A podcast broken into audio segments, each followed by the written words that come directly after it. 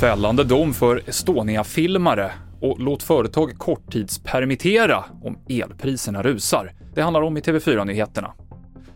Ja, det blev en fällande dom för journalisten Henrik Evertsson som gjorde den uppmärksammade dokumentären om Estonia.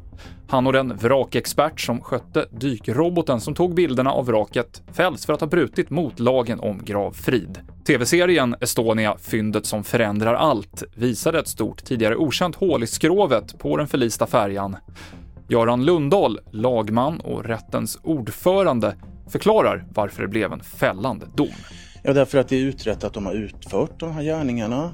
Sen har de två haft ett antal invändningar som eh, de menar ska göra att det här är ett strafffritt agerande, men vi har kommit fram till att ingen av de invändningarna leder till strafffrihet. Däremot så det intresse som de särskilt har lyft fram, alltså det journalistiska intresset av meddelarfrihet och yttrandefrihet och tryckfrihet, det menar vi påverkar påföljden så att de får en lindrigare påföljd än de annars skulle ha fått.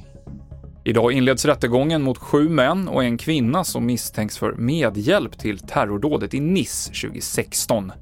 De anklagas för att ha känt till attacken, hjälpt gärningsmannen med logistiken och försett honom med vapen.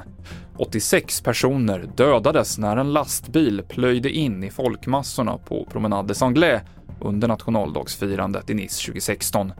Föraren sköts sen till döds av polisen. Och företag bör kunna permittera personal på grund av höga elpriser. Det här säger nationalekonomen Lars Kalmfors till tidningen Arbetet. Många företag är drabbade av de höga elpriserna som råder och arbetsgivare har varnat för att eh, arbetstillfällen är hotade, skriver Arbetet. Och Kalmfors säger till tidningen att han anser att man bör ge möjlighet till företag att korttidspermittera om de måste dra ner på sin verksamhet på grund av de höga elpriserna.